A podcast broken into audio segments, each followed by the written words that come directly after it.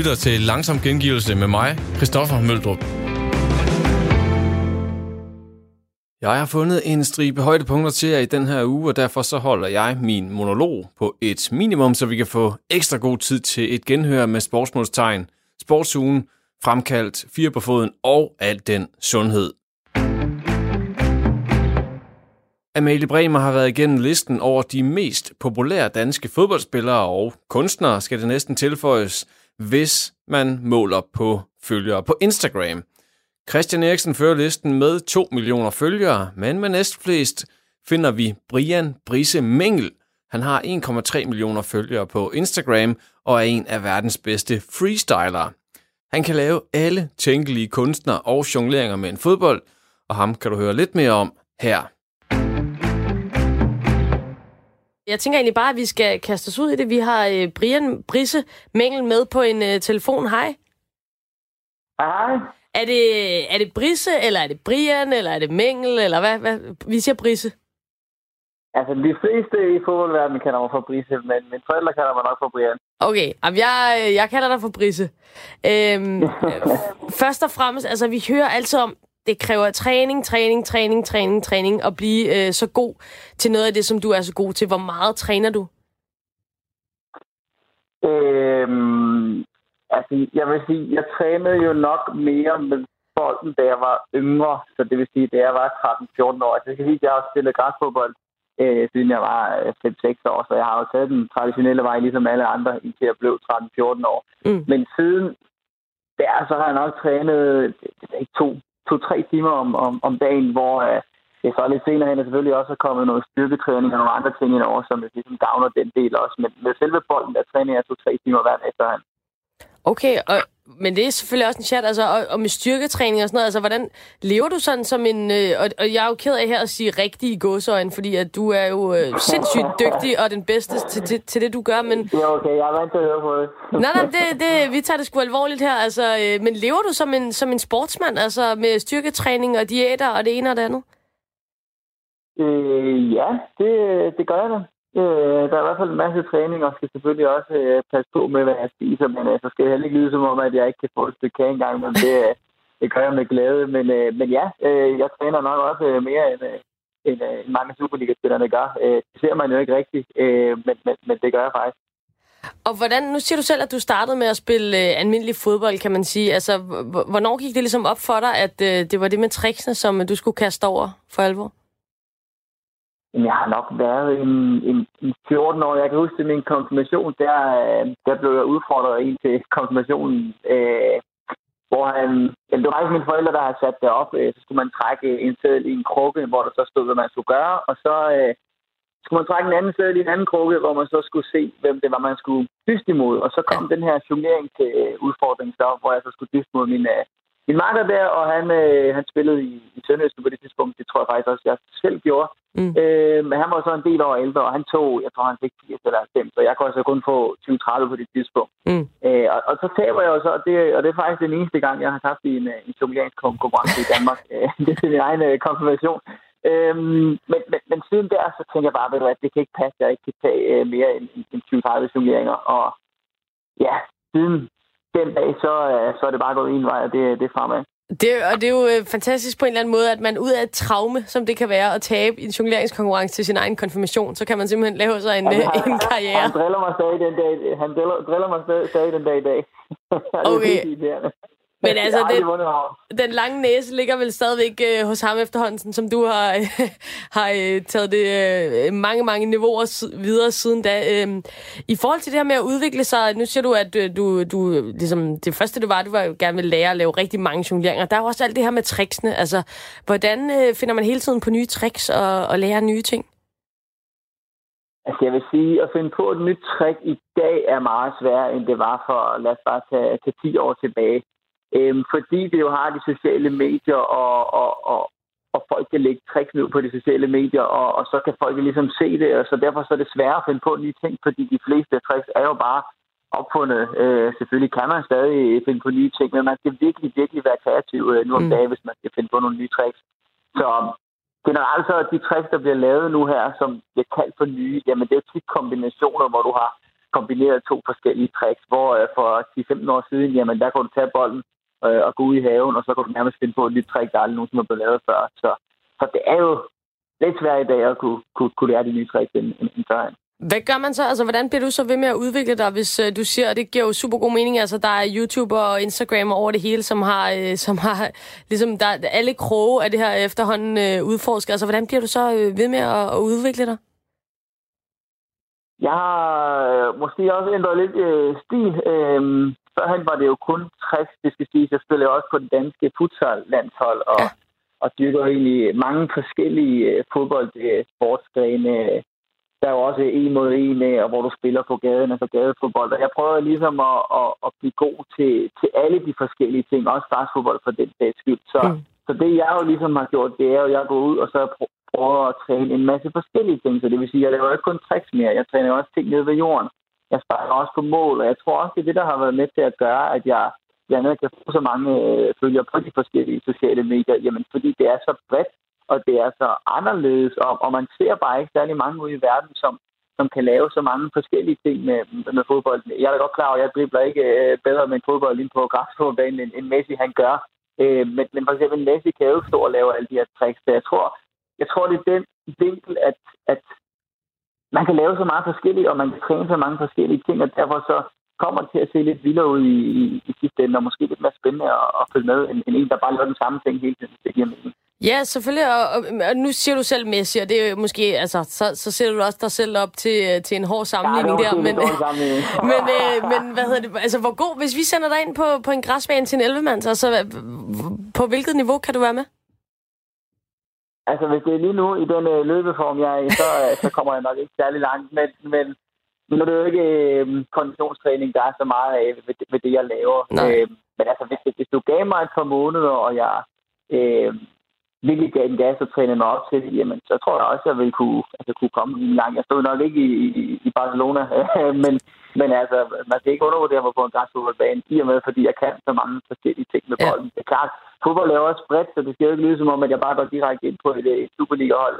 En ting er at kunne alle de her forskellige ting med bolden, men en anden ting er også at vide, jamen, hvor, hvor er dine kammerater, holdkammerater henne, øh, kende spillerne og ved, hvor du skal løbe hen på en fodboldbane. Det er jo måske den del, jeg mangler lidt, fordi ja. jeg jo ikke har spillet så meget græsfodbold i, i løbet af de seneste par år. Så, så der er mange ting, jeg mangler, men, men det er jo klart, at øh, den tekniske kunde, der, der er nok mange af Superliga-spillerne, der kan lære lidt af mig, men hvor jeg så kan lære lidt af dem.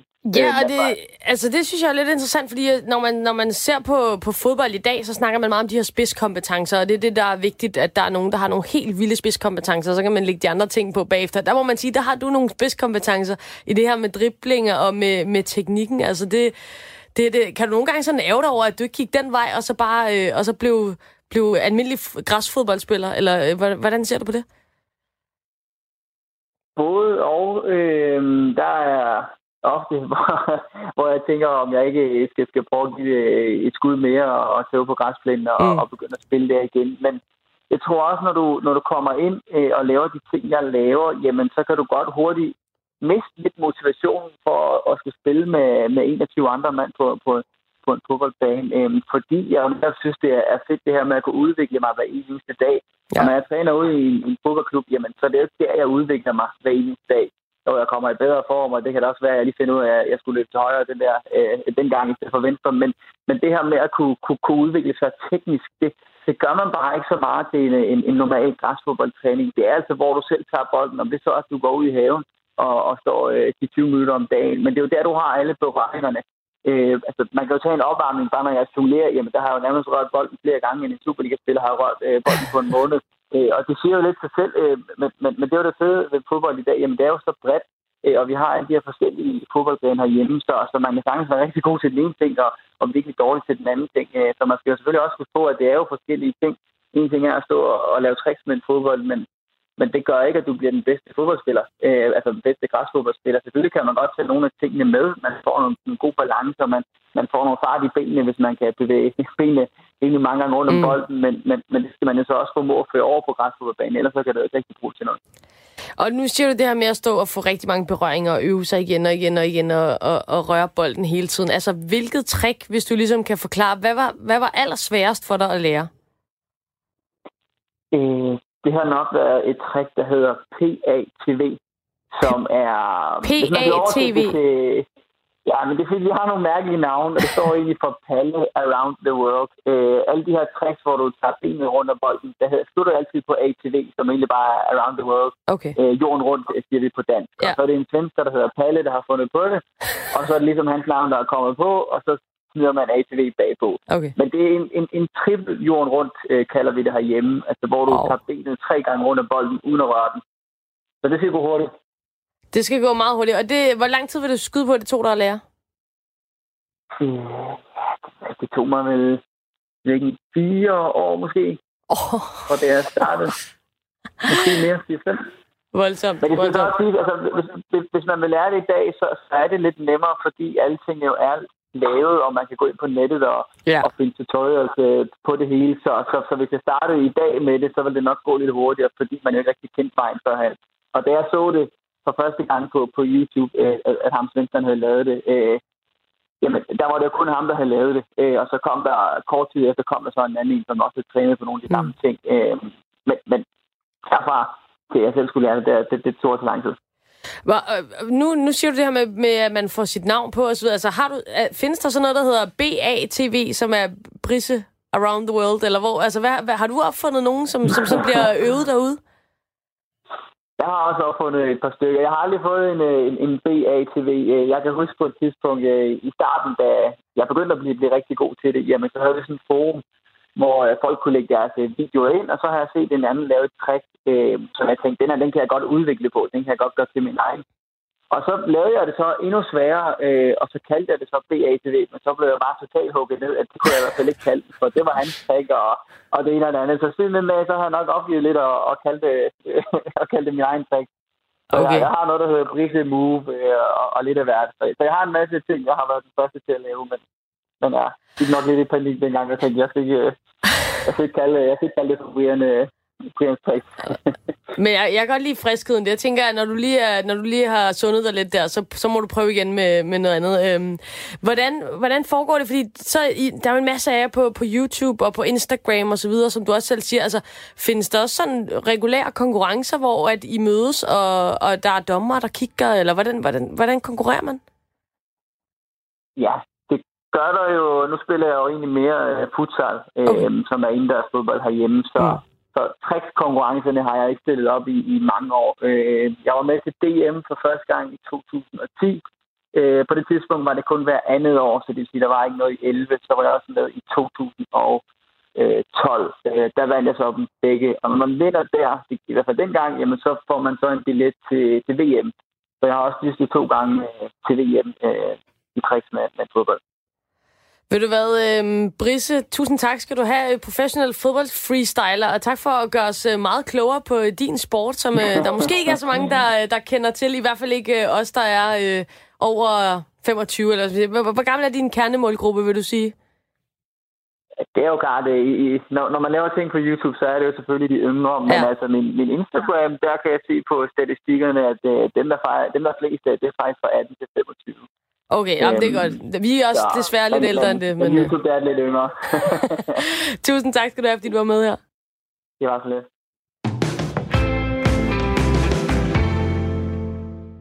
Antidoping Danmark ønsker at varetage matchfixing-sager i fremtiden. Det fremgår af et notat fra sidste år, som politikken har fået agtindsigt i. Matchfixing-nævnet ligger i dag under Danmarks Idrætsforbund, men står det til Antidoping Danmark, så skal behandlingen af matchfixing-sager i fremtiden ligge under dem. Michael Ask, du er jo direktør i Antidoping Danmark. Hvorfor har I hos Antidoping Danmark ikke tillid til, kan man sige, at disse sager ligger fint og trygt og bliver behandlet godt hos Danmarks Idrætsforbund? Nej, men vi har stor tillid til Danmarks Idrætsforbund og har et fint samarbejde med Danmarks Idrætsforbund. Øh, og det er ikke helt øh, korrekt, som du siger, at vi ønsker at fjerne nævnet fra, fra DIFs ansvarsområde. Vi har fuld forståelse for, at Danmarks Idrætsforbund har selvfølgelig et stort, et stort ejerskab til det her problem og gør rigtig meget for at forsøge at bekæmpe det. De har så sent som i går strammet øh, deres regulativ på en række områder. Så den del er vi sådan set helt tryg ved. Det vi ikke er så tilfredse med, det er, hvem der rent faktisk efterforsker de her sager, inden de når til nævnet. Øh, og der er det sådan lige nu, at øh, vi har en rolle øh, i Antidoping Danmark i forvejen, i og med, at vi er sekretariat for det, for det samarbejdsforum, der hedder den nationale platform til bekæmpelse af matchfixing, hvor de fyret også sidder med. Så vi modtager altså de her anmeldelser, og vi skal man sige, behandler dem indledningsvis, og så sender vi dem sådan set bare videre, enten til Danmarks Idrætsforbund, hvis det ligner et, øh, en overtrædelse af deres reglement, eller eventuelt til politiet, hvis det ligner et øh, strafbart forhold. Uh, og der, der må vi bare sige, at uh, vores erfaring er uh, også med de senere sager i mente, at, at det er lidt uklart, hvem der har den, hvem der har det, det konkrete ansvar, og der, der er altså også nogle kompetencer, som, som vi i al beskedenhed mener, vi, vi har hos os i Antidoping Danmark. Michael Ask, du, du, fra, ja, du er nødt ja. til lige at, du er nødt til at uddybe det for mig, Michael Ask, fordi ja. jeg skal lige forstå, om du fortæller mig, at du ikke har tillid til, at DIF har kompetencen til at efterforske de her sager. Er det det, du siger? Ja, det er det, jeg siger. Øh, det er efterforskningsdelen. Det er ikke selve øh, den del, der handler om, når sagen så skal processes og skal, skal videre i, øh, i, deres, i deres nævn. Det har jeg fuld tillid til. Men det er jo sådan, at vi har jo mange år beskæftiget os med, med, med dopingsager, med efterforskning, med opbygning af efterretningsregister og de metoder, som blandt andet fra, fra ansatte, der har været i politiet med videre, har vi en lang, en, mange års erfaring med det. Og derfor mener vi simpelthen, at vi er, vi er bedre rustet til at, at lave det arbejde. Og så er der så et, et helt andet argument, som handler om uafhængigheden. Altså det her med, at, at DIF øh, undersøger sager i deres eget regi. Øh, jeg, har, jeg tillægger ikke DIF nogle, øh, nogle forkerte motiver, men, men det ser bare ikke godt ud ud fra sådan et, øh, et almindeligt integritetsprincip og, og good governance-principper. Du må have et eksempel på, hvorfor Danmarks Idrætsforbund DIF øh, ikke har den faglige kompetence til at varetage sådan en, en efterforskning her. Hvad er det helt præcis, der får dig til at sige, det kan de ikke? Nå, men altså, jeg ønsker ikke at gå ind i detaljer og kaste, kaste med mudder i forhold til konkrete situationer og konkrete øh, kan man sige, hændelser, men, men jeg kan bare konstatere, at, at vi ikke føler, at, øh, at det arbejde, der, der bliver gjort i, øh, i de har den fornødne kvalitet i forhold til, til, til det her problem, som jo i stigende grad øh, viser, at vi bliver ramt af en lang række udfordringer, og, og vi er nødt til at samle ressourcerne på nogle få hænder. Øh, og, og jeg siger jo ikke nødvendigvis, at det skal ligge på Antidopen Danmarks hænder, men jeg, jeg tilbyder også som en løsning, i hvert fald bør man øh, kigge på og, og kan man sige, flytte det hen i en øh, enhed, der har erfaringer med efterforskning og som, som har kompetencerne øh, til, til at, at, at gøre det. Øh, og det er jo også et problem i forhold til politiets øh, måde at håndtere, håndtere sagerne på, som, som heller ikke altid har været lige, øh, kan man sige, hurtigt og professionelt. Men... Så, så der, der er flere forskellige ting øh, i det her. Men Michael Ask, øh, respekt og forståelse for, at du måske ikke kan gå ind i konkrete eller baserende sager, men findes der konkret sager? Findes der konkret nogle sager, hvor du, I har sagt, det der, det går ikke, det er ikke godt nok? Jamen, det gør det, men jeg ønsker ikke at uddybe, hvad det er for nogle sager, fordi det er sådan set ikke så interessant, hvem, øh, det er altid nemt at være bagklog og, og, og kigge tilbage og sige, hvem skulle have gjort hvad, og, og, og i hvilken rækkefølge. Men jeg vil bare sige, at, at nu har vi efterhånden øh, arbejdet med det her i cirka 4 til fem år i, øh, et samarbejdsforum, og der er bare nogle ting her, hvor, vi selvfølgelig bliver klogere, hvor, hvor efter min opfattelse, vi bør have mere klarhed øh, i forhold til, hvem der har ansvaret, og så bør vi skille tingene ad, sådan at dem, der rent faktisk har efterforskningsmæssige kompetencer, for eksempel nogle af mine medarbejdere, der har været ansat i politiet og har arbejdet med de her ting før, som i øvrigt er sikkerhedsgodkendte og som er vant til at samarbejde med andre myndigheder, de er måske bedre rustet til at gøre det, end, end folk, der, der sidder i en, i en privat organisation som DIF. Øh, og selvfølgelig skal DIF have en, øh, en stor del af ansvaret, fordi det er deres sport, og det er også deres problem. Men de skal efter min mening bare ikke have ansvaret for at efterforske øh, sagerne. Også fordi der kan øh, i hvert fald teoretisk set stille spørgsmålstegn ved, ved uafhængigheden i den øh, undersøgelse, de laver. Det er jo det er jo, øh, nu vi snakker fodbold og FC Roskilde, jamen det er jo øh, DBU, som er specialforbundet under DIF, og, og det er lidt mærkeligt, at man, at man undersøger så alvorlige sager øh, i eget regi efter min mening. Man kan jo sige, at, øh, at øh, nu kommer du med en bredside, hvor, hvor Danmarks Idrætsforbund øh, får at vide, at de ikke har kompetencen til at efterforske. Danmarks Idrætsforbund kunne jo meget nemt sende den tilbage og sige, Nå, men altså Asker og Antidoping Danmark, de er jo bare ude på at tilrende sig mere magt. Ja, ja, ja, det er klart. Øh, men det er nu, øh, jeg ved godt, at det, det er selvfølgelig oplagt at, at komme med den argumentation. Det er nu rent faktisk ikke. Øh, jeg har faktisk sagt flere gange, og det vil jeg gerne gentage her, at det er ikke fordi, jeg har nogen særlig øh, veneration for, at det lige skal være Antidoping Danmark, der skal have det ansvar. Øh, men nu, nu er vi forvejen en del af, af den her platform, og vi har i forvejen opbygget en del erfaring, og vi, vi kører efterretningsregister, vi driver den såkaldte stopmatchfixing.dk-linje, hvor vi får en del henvendelser ind, så, så på en eller anden måde giver det jo meget god mening, øh, at det er os. Men hvis der er nogen, der har andre idéer til andre uafhængige instanser, der, der kan gøre det bedre end os, så er jeg bestemt åben over for det. Jeg er sådan set kun interesseret i at være med til at prøve at løse det her problem, som er et kæmpe stort problem for idræt, øh, for hele troværdigheden til idræt på linje med doping i øvrigt. Øh, det er jeg kun interesseret i at få løst på på bedst mulig vis. Og der mener jeg bare ikke, at, at, at, at man kan sige, at ansvarsområderne er, er rigtig fordelt lige nu. Tak skal du have, Michael Ask, direktør i Antidoping Danmark. Tak fordi du har tid til at være med. Og det her, det kalder jo helt svar klart på et svar fra Danmarks Idrætsforbund, altså DIF. Øh, Paul Broberg, du er chef for Public Affairs i Danmarks Idrætsforbund. Øh, når politikerne de nedsætter udvalg og kommissioner, der skal undersøge dem selv, så himler vi jo op, kigger op i luften, øh, fordi det kan ikke passe. Så giver, er det egentlig ikke øh, meget godt ting, der giver en meget god mening, at, at, at I Danmarks Idrætsforbund ikke skal undersøge jer selv i forbindelse med matchfixing, som jo ligger under Danmarks Idrætsforbund? Altså, jeg tror, at øh, man er nødt til lige at gøre to ting, eller i hvert fald en ting meget klart for lytteren derude, og det er, at alt, hvad der hedder matchfixing, det øh, hører til hos øh, politiet. Det er ulovligt. Det skal DIF, eller for den sags skyld, ingen andre sidder fedt med end politiet. Øh, og så har vi den anden del, og det er den, vi snakker om. Det er det, vi kalder uetisk adfærd. Det er det, der hedder mestendels spil på egen kampe. Det er DIFs eget øh, reglement. Det er vores egne medlemmer, der har vedtaget det. Det er vores egne medlemmer, der er forpligtet af det. Og der mener jeg sådan set, at det er principielt, at øh, det øh, klarer civilsamfundet selv. Det skal vi ikke have offentlige myndigheder til at kigge på, fordi hvor er vi så henne? Øh, er, er en civil idrætsorganisation? Er det egentlig bare en, en forlænget arm af, af de offentlige myndigheder? Og normalt er det jo ellers den her sektor, vi plejer at rose i Danmark for at tage ansvar og være sin egen rolle bevidst. Og det mener jeg faktisk også, at vi er på det her område, når det gælder efterforskning af de sager, der handler om uetisk adfærd. Michael Ask, altså Antidoping Danmark, siger jo meget, meget klart direkte adspurgt, at han har ikke tillid til, at I har kompetencen til at stå for efterforskningen. Hvad siger du til sådan et udsagn? Jamen det siger jeg, at det er jeg ikke enig i, øh, fordi for det første handler det her jo om vores eget reglement. Øh, det vil sige, at øh, hvis man stiller det her op, så synes man heller ikke, at øh, vi som idrætsforbund har de rette kompetencer, når, det, når vi skal afgøre, om man skal have tre eller fem spilledages karantæne efter et øh, rødt kort. Øh, man skal huske, at det vi øh, kigger efter her, det er nogle disciplinære sanktioner, hvor vi udelukker nogen fra idrætten. Og det synes jeg faktisk er helt rimeligt, at det er idrætten selv, der øh, gør det og det er idrætten selv, der har kompetencerne til at efterforske Vi har i øh, de side af mandet op på det område. Vi har fået bedre folk ind. Vi har i dag, og i går senest i går, strammet vores reglement, så vi i dag har nogle metoder og nogle muligheder for at udføre øh, den her efterforskning, som øh, en offentlig myndighed vil få meget svært ved at gøre, fordi øh, vores medlemmer har sagt ja tak, det må I gerne, det er vi med på. Øh, så jeg, hvis I spørger mig helt øh, ærligt, så tror jeg faktisk, at vi får et mindre effektivt system, hvis vi flytter det her over i en offentlig myndighed. Hvad er det helt præcist for nogle yderligere, øh, skal vi sige, større beføjelser, I har fået i forhold til efterforskning? Ja, det vi fik øh, vores repræsentantskab i går, det er, at vi nu øh, kan sanktionsfritage øh, en, som øh, ligger inde med afgørende oplysninger på en stor sag. Det betyder, at øh, ligesom vi kender ved karteller, hvis der er et, en af karteller, der ønsker at bryde ud og sige, at nu, nu kender jeg noget, hvad de andre har aftalt, ja, så har vi også her en mulighed for, at hvis en spiller ønsker at bryde ud og sige, at jeg øh, ved faktisk noget, hvad der foregår her på holdet, så kan vi øh, tilbyde vedkommende, at øh, vedkommende ikke bliver, øh, altså bliver sanktionsfritaget, hvorimod vi så kan gå efter de spillere, som, øh, som ellers øh, manipulerer øh, kampen. Det synes vi er et øh, spændende redskab, vi har fået der.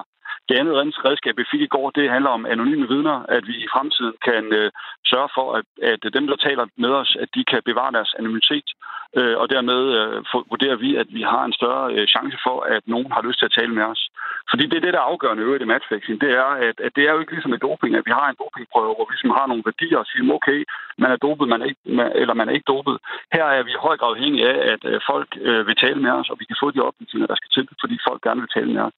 Og der synes jeg faktisk, at vi nu har nogle redskaber, der er bedre end det, man vil få som en offentlig myndighed. Tak skal du have, Poul Broberg. Øh, du er chef for Public Affairs i Danmarks Idrætsforbund. Tak fordi du havde tid til at være med. Og nogle af de redskaber, der altså er kommet, det er anonymitet og det, der hedder sanktionsfrihed. Øh, man kan også bare kalde det måske en whistleblower-ordning.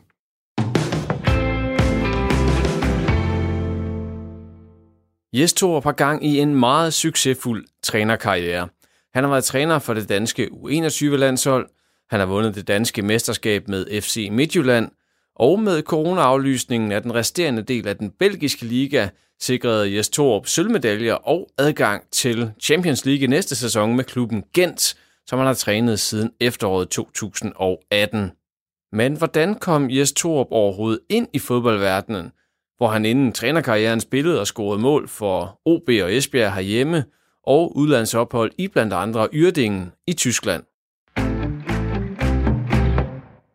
Du er jo også et øh, meget intelligent menneske. Altså man kan sagtens være fodboldtræner og fodboldspiller, selvom man er intelligent eller ikke er intelligent. Det er ikke så meget det. Men du havde mange andre muligheder. Så hvornår er det, at, at det ligesom begynder at skillevejen komme for dig, hvor det begynder at ligne noget fodboldmæssigt?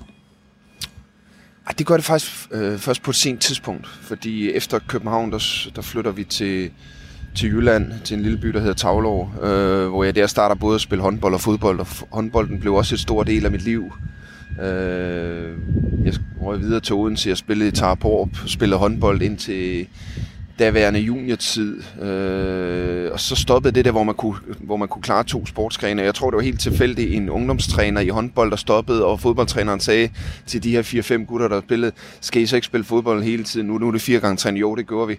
Og halvandet år efter, der spillede jeg i OB, Kim Brink øh, var rundt og tage nogle af de her talenter rundt i de små klubber, og sådan startede det. Men hvorfor, hvorfor gik du ikke den anden vej, altså gik den boglige vej? Altså, fordi det har du helt sikkert også haft mulighederne for, det er jeg ikke i tvivl om. Jamen, det tror jeg faktisk også, jeg gjorde sideløbende. Fordi øh, da jeg var færdig med handelsskolen, der kom jeg i lære som revisor. For jeg havde en, øh, en, en drøm om også at prøve øh, det her erhvervsliv ude omkring. Og der lavede jeg en aftale på daværende tidspunkt øh, efter yndlingetiden i OB, hvor de sagde, at det er, det er lidt, øh, der vil jeg komme lidt penge i, i fodbolden, så jeg vil gerne have en uddannelse. Øh, så jeg lavede en aftale med på daværende tidspunkt Ernst Young i, i Odense, at jeg mødte klokken 7 om morgenen, øh, arbejdede der indtil klokken 3, tog til OB og trænede og tog så på universitetet om aftenen og læste øh, HD. Øh, og det var to hårde år, men to spændende år, og jeg var rigtig glad ved, ved, ved revisorjobbet, men så var det virkelig, at fodbolden begyndte at tage fart og, og pengene, og så sagde OB, jamen det er nu, det er fuld tid, og vi skal satse, og, og det var en drengedom. Men det er jo to meget, meget forskellige verdener. Jeg siger, du er jo et meget, øh, det er i hvert fald min opfattelse, du er et meget privat menneske. Og jeg blev faktisk både glad, men også meget overrasket, da du sagde ja til at være med til at tale om, øh, om dig i, øh, i 55 minutter. Øhm, så revisor-tingen, den ligger, synes jeg, måske mere til højre benet, som hvis man lige tænker på afstand i forhold til dig. Ja, men det kan godt være. Jeg var også glad for revisor. Efterfølgende i min, i min fodboldkarriere var jeg heller ikke, tror jeg, den person, der sad og spillede Playstation 24 timer. Jeg læste, øh, jeg læste forskellige fag på aftenskole. Jeg begyndte at forberede mig til, til, til dagen efter tiden efter karrieren og, og, og læste øh, til ejendomsmaler, bestod ejendomsmaler-eksamen, øh, havde et par gode jobs på hånden på daværende tidspunkt i Esbjerg, arbejdede nogle af de sidste år et par gange om ugen i en ejendomsmaler. For ligesom hele tiden at forberede mig, så jeg har sådan prøvet hele tiden at se, om jeg kunne være et skridt foran, og det har ikke været noget, jeg ikke ønskede. Jeg havde faktisk en, på et eller andet tidspunkt faktisk en stor drøm om at komme ud og prøve undskyld mig, noget andet end fodboldlivet. Øh, hvad er det, der er ude på den anden side af kridtstregen, men, men Øh, det har jeg ikke opnået endnu, og jeg er der jo rundt 50, så, så hvem ved, om jeg nogensinde når det. Når du har været i fodboldlivet, så har der selvfølgelig været op- og nedture, og du har jo været en dygtig fodboldspiller og spillet i store klubber og så videre. Det hævede over enhver tvivl. Men kunne, hvad kunne det give dig sådan øh, intellektuelt? Øh, fordi der skal du jo også udfordres, det er der ingen tvivl om. Jamen, jeg tror, jeg var, jeg var den, jeg var, tror, jeg var den spiller, når jeg gik på banen, eller kom eller reelt var derhjemme, jamen jeg var altid fokuseret og var, var vel den, der, der forberedte mig, og via forberedelsen nåede det, jeg nåede, for jeg havde bestemt ikke det åbenlyse talent. Jeg var da sikkert nok en OK fodboldspiller, men jeg havde bestemt ikke det åbenlyse talent. Men via hårdt arbejde og tro på tingene og målrettethed, så er jeg nået formentlig der, hvor jeg er nået. Øh, og det synes jeg måske mange unge mennesker kan lære af, at, at, at hårdt arbejde og tro på egne evner, øh, det gør, at man kan nå rigtig langt. Eller i hvert fald en, en fornuftig balance mellem evner og, øh, og ambitioner. Helt sikkert, fordi de skal også være der. Øh, men er de der, man tager øh, et skridt og en dag af gangen, øh, men, men gør noget for sig selv, og ikke bare lade tingene komme til en, men virkelig gøre sit ypperste, jamen så kan man ikke gøre mere, så tror jeg, der åbner så mange døre. Men hvordan havde du det, Jes, øh, i spillerbussen, i omklædningsrummet? Jeg kan huske, at jeg talte en gang med, med Jan Bartram i et interview på TV2, hvor, øh, hvor Jan sagde, at han havde sgu lidt svært med at, når de havde spillet kort nok, så havde han sgu lidt svært med at snakke, at snakke med drengene. De var super søde, men der var bare ikke ligesom mere. Altså, hvordan havde du det? Jamen, jeg var heller ikke den, der spillede øh, alt for meget kort. Det, det var jeg ikke. Øh, jeg vil ikke sige, at jeg holdt mig for mig selv, for jeg er rigtig socialt menneske, øh, og elsker at, at omgås mennesker. Jeg elsker at hygge mig, jeg elsker at, og, og på den måde være social, men jeg var ikke den, der sådan involverede mig i de her mange timers kort og alle de her ting. Men jeg tror, jeg var ham, alle følte, de kunne snakke med, være en del af, øh, kunne hjælpe, kunne gå til. Øh, specielt i det seneste år blev jeg også anført i, i, i de sidste mange år, hvor jeg ligesom så mig selv som den her... Øh, ja, det ved jeg ikke, faderrolle, føringsfigur, hvor jeg kunne kunne hjælpe, guide spillerne, øh, de unge, som, som jo kom og pressede bagfra. Jeg så det ikke som noget, uha, nu kommer de presser, nej, jeg så min vigtigste rolle, som, som er dem, der skal hjælpe dem på vejen, og det gjorde jeg både inde på banen, men, men så sandelig også uden for banen. Jeg mener, jeg kan huske, Jes, for mange, mange år siden nede i OB. Øh, jeg var konferencier til et OB-arrangement, og havde klippet en video sammen med dig, da du forlod klubben. Ja. Er det ikke rigtigt? Jo, det er korrekt. Hvornår, hvad årstal er vi i der? Huha. Vi er i øh, 1996. Det er altså tiden er gået en lille bitte smule, ikke? Hvordan var det for dig at forlade OB på det tidspunkt? Jamen, det var meget specielt, for jeg har haft øh, nogle, nogle, nogle sindssygt gode år. Øh, kom derind som førsteårs yngling, øh, sammen med alle de unge, håbefulde øh, drenge fra alle omegnsklubberne, kom ind til et liv, som jo næsten semiprofessionel under Kim Brink, hvor vi jo trænede fra komme fra de små klubber til to gange om ugen til at træne fire-fem gange om ugen med, med, med sædler med hjem, hvornår vi skulle gå i seng, hvad, hvad vi skulle have at spise, hvad der ventede os på, de, på stadions, vi skulle ud til. Jamen, det var jo det var jo på den tid, hvor man, man efterfølgende siger, at Kim Brink har jo prøvet at lære os livet som professionel. Hvem kunne, hvem kunne takle det? Hvem kunne håndtere det? Hvem var klar til at yde det, der skulle til? Øh, og efterfølgende havde jeg jo nogle fantastiske år. Startende med det første år som senior 89, hvor, hvor OB blev mester. Øh, og det, det er jo desværre ikke sket siden. Øh, men, men, men så har vi vundet et par pokaltitler og så videre, så jeg havde en rigtig god tid. Men, men jeg nåede også til tid der midt i 20'erne, hvor jeg tænkte, hvis jeg skal nå noget, hvis jeg skal prøve noget videre, så var det tiden, og, og der åbnede der sig nogle muligheder der i, i 96 til at tage et smut til, til Tyskland. Ja, hvor du skal lige fortælle også, hvor du kom til, da du tog til Tyskland. Jamen, jeg tog til, øh, til Bayer Uerdingen, hvor der jo har været et par danskere på der. Blandt andet Bartram jo. Bartram, øh, Heinz, øh, Laudrup og, og, og, så videre. Så, så det var vel det, det udlandseventyr, jeg, jeg skulle prøve af. Det prøvede jeg af på det tidspunkt. Men hvordan var det, fordi udlandseventyret er jo en anden verden end i Danmark. Øhm, hvordan var det med din mentalitet og, og, og din meget, skal man sige, tilbageholdende fasong og så videre? Hvordan var det at, at komme derud så til Ørdingen? Det var, det var meget specielt. Det var meget anderledes end det, jeg kom fra, hvor man jo havde sine, sin øh, sine gode venner på holdet, øh, som jeg jo stadigvæk ser og snakker med. Vi har vores årlige julefrokost en gang om året, øh, som jeg desværre ikke har kunne deltage i de sidste par år, men, men, men vi er stadigvæk 11 gutter, der, der samles, og det, det vidner om, hvilket sammenhold vi havde der. Og så kom ned til den tyske mentalitet, hvor det ikke var, var kammerater, men nærmest, øh, jeg ved ikke om modstandere er det rigtige ord, men, men der blev jo kæmpet om, om, om hver eneste plads, for der var noget økonomi for dem, der spillede, dem, der startede, dem, der kom med på holdet og sådan noget. Så der, var, der så man jo pludselig spillere sparke hinanden ned under træning og, og, og, og slåskampe, og, og på slet ikke på samme måde sammenhold, som jeg havde herhjemme, men øh, måske mere den, den, øh, den toffe, den hardcore øh, professionelle verden, man oplevede der. Langsom gengivelse. Lyt med hver tirsdag 20.05. Superligaen har fundet sin første nedrykker. Det blev ikke overraskende Silkeborg IF, der har garderet den nederste del af Superliga-tabellen igennem hele sæsonen. Dermed er Silkeborg igen rykket ud af Superligaen, og klubben har etableret sig selv som noget af et elevatorhold.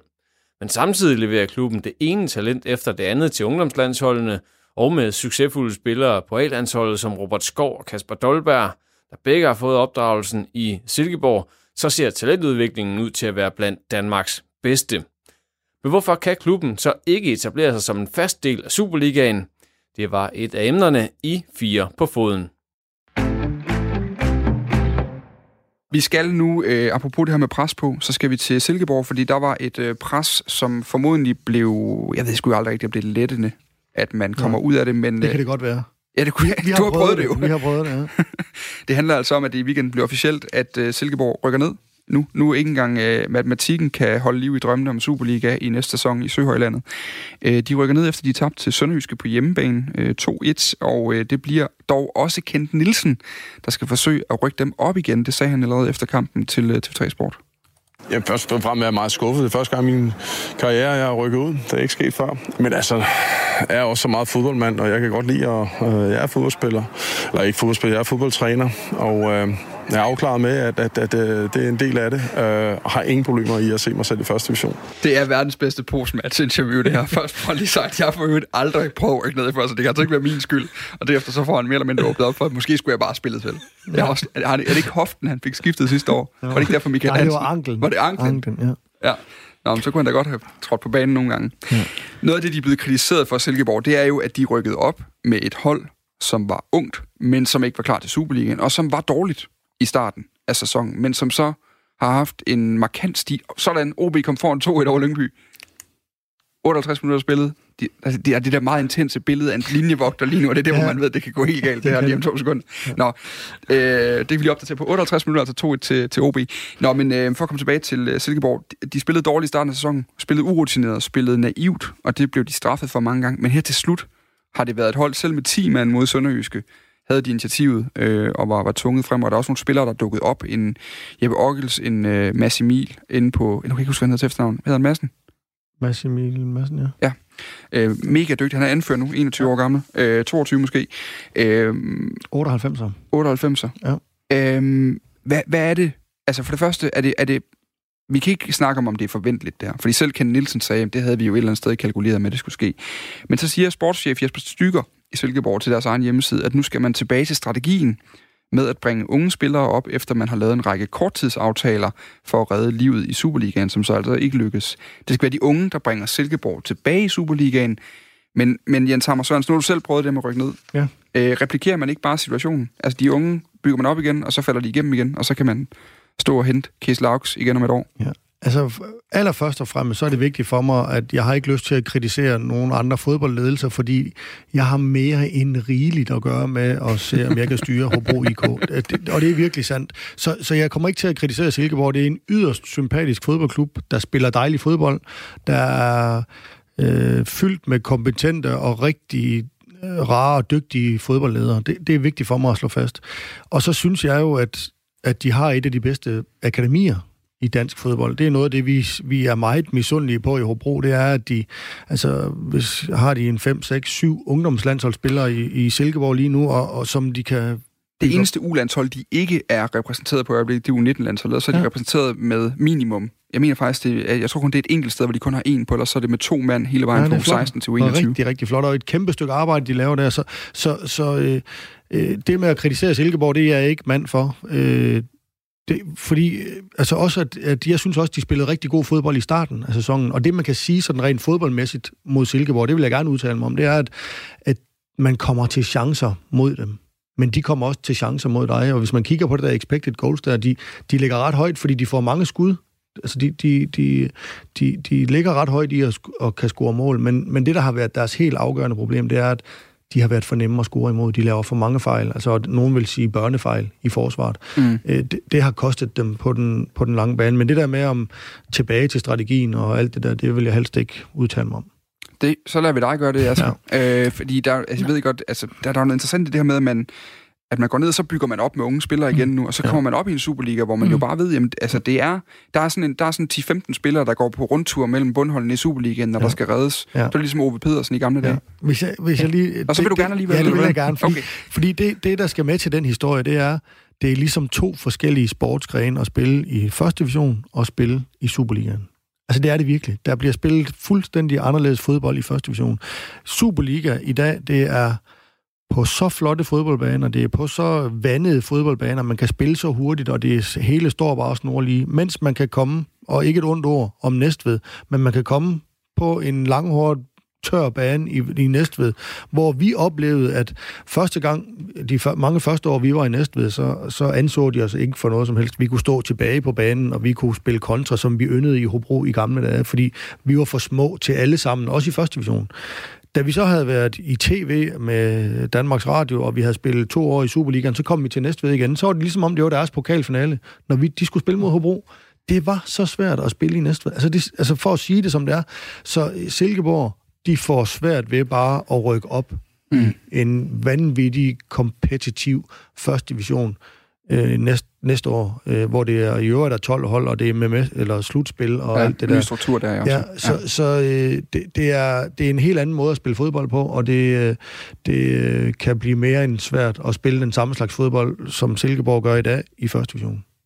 Undskyld, ja. undskyld, Nå, ja, men, men, men, ja. Du er den mest høflige paneldeltager, vi overhovedet har i det her program. øhm, og det trækker op jo, ja, det den samlede karakter. øhm, nej, men, men, men Silkeborg er ikke den første klub, øh, hvor man kan sige, det, som det er gået skidt for, eller som rykker ned og som så taler om, at, at, at nu er det ungdommen, der skal løfte dem igen. Og det kan, det kan man jo godt, øh, altså det tror jeg sådan set, de mener, men det er jo også lidt af nød måske. Mm. Altså fordi det er jo de færreste klubber, der rykker ned øh, eller får dårlige resultater, som så pludselig får, får, får råd til at investere en masse. Altså så, så man kan sige, øh, det her gode akademi, man har, er jo stadigvæk langt billigere øh, som forretningsmodel, sammenlignet med at skulle ud og købe, øh, købe spillere eller øh, lege, låne spillere, der, der skal have en del i, i løn måske. Og så, så, så det er jo vel også en, en form for, altså man er tvunget til mm. at, at sige det her eller gøre det her. Ja. Og, så, og så lader det måske øh, øh, lyde som en strategi. Altså det er det også, men, men, men det lyder jo bedre, mm. end at sige, øh, ja, det bliver vi nødt til nu. Det, det er det, pengene er til. Der er også noget, øh, jeg synes, der er noget interessant, det er jo netop, når vi taler om akademiet. Altså lige nu har vi Robert Skov, Kasper Dolberg på, på landsholdet, A-landsholdet, ja. ikke? Ja. som i hvert fald har baggrund i, uh, i, i Silkeborg. Uh, Robert Skov, den der spillede der senest. Dolberg var der som ungdomsspiller, han kom til, til Ajax dengang. Vi har på U21-landsholdet, blandt andet har vi Mads Emil Madsen her, der er inde omkring. Vi har Jeppe Orkels inde omkring det også. Uh, Frederik Alves mener jeg også er inde omkring. Altså, og sådan fortsætter det hele vejen ned. Det kan være svært at se, hvordan man ikke kan omsætte det talentarbejde, til en plads i Superligaen. Altså som du selv er inde på, en ting er Hobro, I er også relativt nye stadigvæk, er i en relativt svær situation mm. med at skulle tiltrække spillere i det der spændviden mellem OB mhm. og, og Randers, der sidder tungt. Mm. Og traditionelt set i hvert fald på det område deroppe, for det var grund af deres topfaciliteter. Ja. Øhm, men noget andet er jo, der er jo andre klubber i Superligaen, som vil dø for at have den talentvækst ja. og have den repræsentation på landsholdene. Ja. Hvor meget er den egentlig værd i sidste ende, hvis man gerne vil overveje, overleve i Superligaen? Altså, den er meget værd. Altså, jeg er jo helt enig med Asger i det, det. Og det kommer der tit gode øh, ting ud af at være økonomisk presset. Altså, jeg kan huske, mm. for mange år siden, der spillede vi mod et nedrykket Esbjerg-hold, som blev nødt til at spille med spillere af egen avl.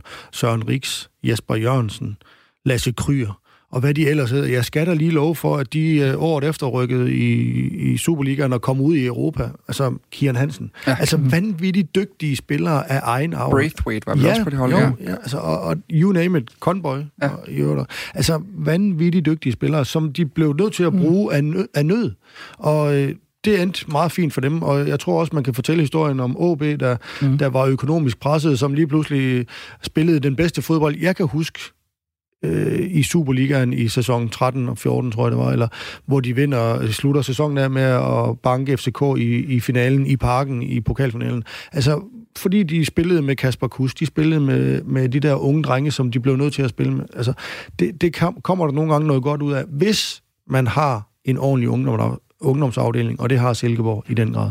Ja, og så, men vel også en balance imellem det her med at, at holde på de her spillere, de unge spillere, man så har, men også skyde nogen af sted og ja. få de her beløb, der så kan finansiere mm. øh, forretningen fremadrettet. Fordi ja. det må også... Altså, fordi... Og det synes jeg jo netop, Silkeborg har været gode til, at de har solgt mm. uh, Jens Martin Gammelby. Gammelby til Brøndby for et stort million, millionbeløb, og de solgte uh, Skov til FCK for et stort millionbeløb, og fik vist endnu flere, da han skiftede til Tyskland. Så de har været dygtige til at sælge dygtige spillere også, og det, det er jo også en del af deres strategi, og hvis de kan investere nogle af de penge i akademiet igen og i holdet, så skal det nok mm. gå for Silkeborg.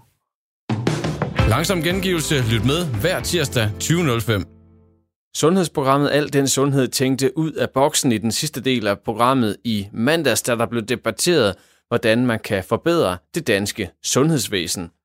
Vært på programmet er Nikolaj Damgaard, og han har besøg af forskellige gæster til den her debat. Troels Krarup Hansen er centerdirektør ved Steno Diabetes Center her i Aarhus. Martin Kremmer er biohacker og stifter af Danish Biohacking Community, der groft sagt handler om at indsamle og bruge data om sig selv til at blive endnu sundere.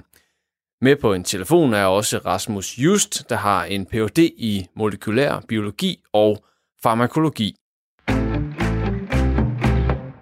Her der kunne jeg netop godt tænke mig, at vi nu skulle lægge alle begrænsninger og tænke ud af boksen. Med spørgsmålet, hvis alt var muligt, hvordan skaber vi så det mest optimale sundhedsvæsen? Og Troels, der kunne jeg godt tænke mig at starte med dig, fordi du arbejder jo til daglig i det etablerede sundhedssystem. Hvis du kunne tænke helt frit, hvordan vil dit optimale sundhedsvæsen så se ud? Jamen, det optimale sundhedsvæsen skal møde os som, som borgere og som patient, der hvor vi er til enhver tid.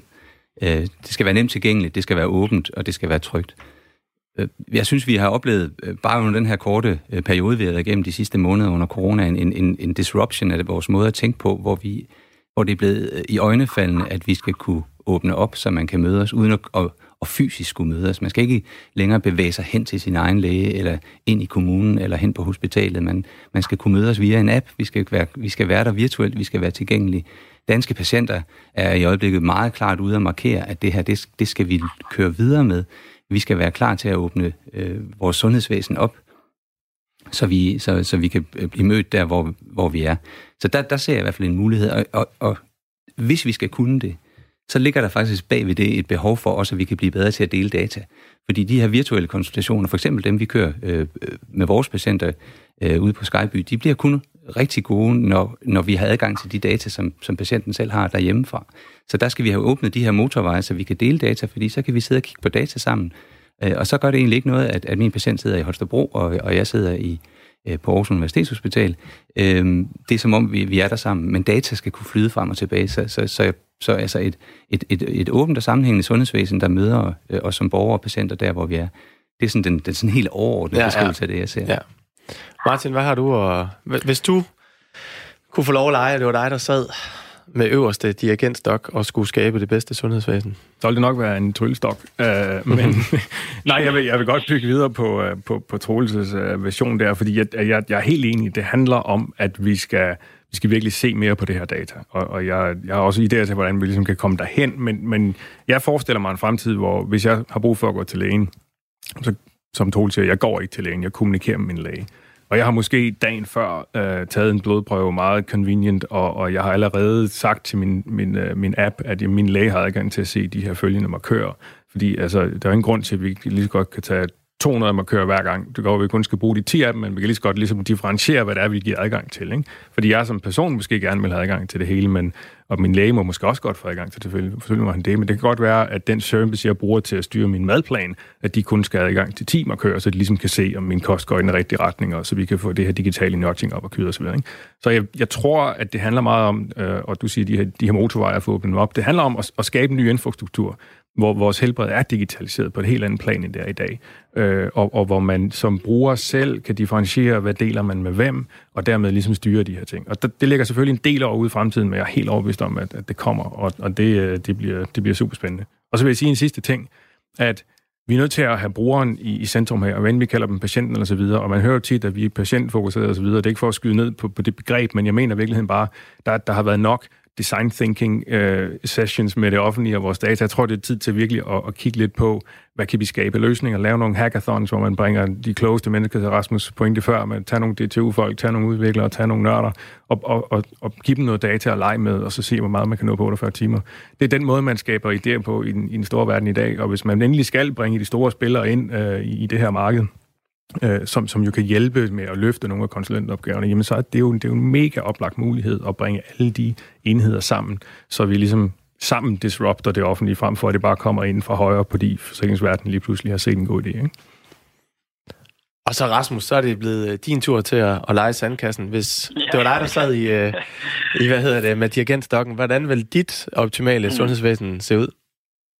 Jamen, jeg tror, jeg vil, øh, jeg vil våge pelten lidt og så sige, øh, hvis jeg skal bygge oven på det, Troels øh, og Martin sagde, som er helt rigtigt, øh, hvordan bryder vi ud af de barriere, der er i dag? Øh, og hvis man sådan på klassisk øh, forretningsmodel innovation skal tænke over, hvad er det, vi er gode til, og hvad er det, vi kan, og hvad er det så, vi ikke så godt kan. Jamen altså, vi kan ikke løse alt det her som et sundhedssystem selv, øh, fordi øh, at der er nogle af de barriere omkring prioriteringer og fokus og budgetter. Men det vi kan, øh, det er, at vi kan gå forrest i at finde ud af, hvordan øh, åbner vi op. Øh, om det så er hackathons, eller som Martin siger, eller om det er nogle andre ting, det ved jeg ikke. Men det er meget analogt til mange virksomheder jo igennem de senere år har været drevet ud af en model, hvor man tidligere har kørt innovation indenfra og i lukkede systemer øh, til at være meget mere eksternt drevne og være meget mere øh, flydende øh, i strukturerne. Det tror jeg også godt, vi kan som system, og jeg tror netop ved at omfavne det, og ved at søge det, og ved at supportere det, så kan man lægge sig i spids, også på global plan, for hvordan sådan noget kan gøres. For der er ikke så mange andre, der har et sundhedssystem som vores, der vil kunne det. Øh, og jeg tror, man skal, man skal ikke være så bange for, øh, hvad risiciene er ved det, fordi øh, hvis vi tilbage til det, vi snakker om før, øh, har en erkendelse af, at det kommer til at ske, og der er en masse kræfter, der arbejder øh, i det digitale og teknologiske space, så er det bedre at lægge sig ind i det, og sørge for, at integriteten er høj, og sørge for, at man, øh, man får den her øh, høje kvalitet, som man gerne vil have i systemet, øh, mere end at det er øh, bare lade det være sådan et kobberland, hvor, øh, hvor, det, hvor det foregår øh, udenom, og man forsøger at holde det, øh, det stangen. Øh, men, øh, men i det omfang, man kan nu her og over de næste år bygge bro imellem det og supportere det, øh, og måske øh, sætte de rigtige aftryk på det øh, med det fantastiske sundhedssystem, vi nu engang har, øh, så tror jeg vidderligt, at vi har øh, opskriften på noget øh, rigtigt og noget så øhm, der er stadigvæk nogle udfordringer i, hvordan man skulle gøre det, men det er noget, der er gjort før. Det er noget, der er tænkt i før i flere forskellige andre kontekster. Så øh, hvis man åbner op til, øh, ikke, måske ikke bare en dans, men et bal, om faktisk at prøve at invitere nogle af de her kræfter ind til at finde, hvad er de mest kreative løsninger, og hvor kan vi nå hen med det, og hvem er det, vi skal, øh, vi skal stimulere øh, til at samtænke med os omkring det her, så tror jeg virkelig, øh, at det er en vision, øh, vi som det danske sundhedsvæsen og et, øh, et øget øh, entreprenant øh, sundhedsfagligt land vil, øh, vil sætte os i en super spændende stilling med. Det er, jeg, jeg kunne godt øh, tænke mig, at I tre i øh, uh, to år til Mette Frederiksen har præsenteret. Øh, jeg skal lige sådan rent lavpraktisk, fordi både du, Troels, og dig, Martin, I snakker om det her med deling af data. Og jeg ved jo, at du tager jo til læge, Martin, på en lidt anden læge, eller på en anden måde, end det at tage op til lægen. Hvordan deler du dine data, sådan helt lavpraktisk, med dem, der skal kigge ind i dem? Jamen altså, man kan sige, jeg har jo, som vi også talte om i sidste udsendelse omkring det her, jeg har jo en læge i USA, jeg deler alle mine data med, og det, og det står troligt så smiler det her, det har vi jo grinet lidt af, at, at det er jo lidt paradoxalt, at jeg så for eksempel ikke har, har downloadet den her smitte-app i ikke? Men der er vi tilbage ved den der den der lidt uh, rebel i mig, der synes, jamen det, det er ikke i orden, når der kommer sådan nogle upser fra det offentlige, hvor de glemmer at fortælle mig, at de også rent faktisk brugte min DNA-data til nogle ting, når jeg var oppe og lave en uh, covid-19-test. Og den der slags upser. Og det er derfor, jeg sådan lidt holder igen med det der, fordi jeg tænker, det, det er tid til, at vi lige råber op og siger, uh, folk er villige til at dele der, hvor det giver mening. Og det giver selvfølgelig mening at dele når det handler om dansk folkesundhed og hjælpe dem, der er svage i samfundet, den er jeg helt med på. Det kan også godt være enig med at downloade den der app efter at tabe dig, Troels. Nu må vi se. men, men jeg vil sige, at min måde at gå til læge på, er jo i virkeligheden det, vi beskriver lidt her, at man, jeg, jeg, jeg går ikke til lægen. Jeg kommunikerer med min læge, og, og det er en databaseret kommunikation. Uh, og, men problemet er jo, det kan vi, der er vi langt fra i Danmark i dag. Uh, det kræver i hvert fald en del workshops. Men det er sikker på, at vi nok skal nå derhen en dag. Og Troels, du markerer også, fordi, og jeg kunne også godt lige tænke mig, hvordan deler altså dine patienter eller ude på Diabetescenter, hvordan deler de deres data med, med dine medarbejdere i dag? Jamen, altså, vi har faktisk nogle systemer, som, som gør det muligt. De systemer er så i øjeblikket udfordret af, at, at de leverandører, vi har af de tekniske løsninger, de meget gerne vil have deres egne digitale økosystemer, som de kan bruge ude i verden, og de skal helst ikke kunne spille sammen. Så, så jeg har, mine medarbejdere, de sidder måske og skal lave sådan noget dobbelt øh, log-on på fire-fem forskellige systemer i løbet af dagen, af og på og af og på. Øh, jeg er meget inspireret af det, af det, du siger, Martin, den måde, du bruger din læge på, det, det udfordrer mig, og det, det, det er sådan lidt en brændende platform, som, som vi jo selvfølgelig, som jeg også har, har, har brugt nogle steder, fordi du repræsenterer jo ligesom nogle frontløbere, som vi, som vi skal holde fast i så er jeg også glad, når jeg hører det, det Rasmus han siger, fordi han siger, at der er ikke så mange andre sundhedsvæsener, der kan det, som vi kan i Danmark. For der er ingen tvivl om, at det, som, som Rasmus efterspørger, det foregår jo i stor stil. Altså, vi skal, ikke, vi skal ikke glemme, at Google og Apple og alle de andre, de, er, mm. de, de har samlet de klogeste hjerner, og de, de laver hackathons øh, ja. på et niveau, hvor vi slet ikke kan være med. Men det gør de ud fra nogle forskellige forretningsmodeller, er meget individualiseret. Jeg, jeg vil rigtig gerne have, at vi fastholder det, som du så heldigvis også signalerer her, Martin, at, at data i Danmark er der noget, vi deler. Altså det danske sundhedsvæsen er stærkt, fordi vi har de data, vi har, og når man har nogle data selv, hvis man, hvis man vil dele dem med andre, øh, så kommer det andre til, til, til gavn også. Det, som kan, kan hjælpe en selv, kan faktisk hjælpe andre. Øh, fordi jo, jo mere vi ved om, hvordan øh, man forebygger, hvordan man, øh, man optimerer sin måde at leve på osv., jo mere vi kan få de data ind, jamen, jo, jo flere andre mennesker kan vi hjælpe. Så vi skal, vi skal have den der udvikling, men vi skal hele tiden have en respekt for det der helt særlige, vi, vi, vi kan i, i Skandinavien øh, på sundhedsområdet også. Øh, og det er det, jeg håber, jeg kan hjælpe med at, knytte de to ting sammen. Og når vi snakker data, bare lige for at slå det fast, så er det jo svar på blodprøver, afføringsprøver og alt det her, som du sagde, Troels, vores fødselshistorik øh, og alle de her ting. Så det er alt den slags data, vi gerne vil dele. Men kunne en løsning, altså kunne, kunne du tænke at øh, måske invitere sådan nogen som Martin og Rasmus med ind i det her videnscenter og få deres besøg på, hvordan man kunne... Jamen, jeg, jeg, synes, at det, jeg, jeg synes, det er nødvendigt, at vi, at vi finder et forum, hvor vi kan hvor vi måske kan lege den her zone, øh, og, og, og prøve, og jeg synes, at det kunne være meget inspirerende at prøve at lave en workshop eller et eller andet, hvor vi, hvor, hvor jeg tager nogle af de mest øh, konservative fra min side med, og, og til at møde nogle af de vildeste fra, fra biohacker-siden, og så se, hvordan, øh, hvordan sådan en klasse det foregår. Øh, fordi jeg tror, at øh, jamen jeg tror i bund og grund, vi skal have flyttet begge lejre lidt ind, i, ind imod midten, men, men så kan jeg i hvert fald også se, at der ligger nogle muligheder der.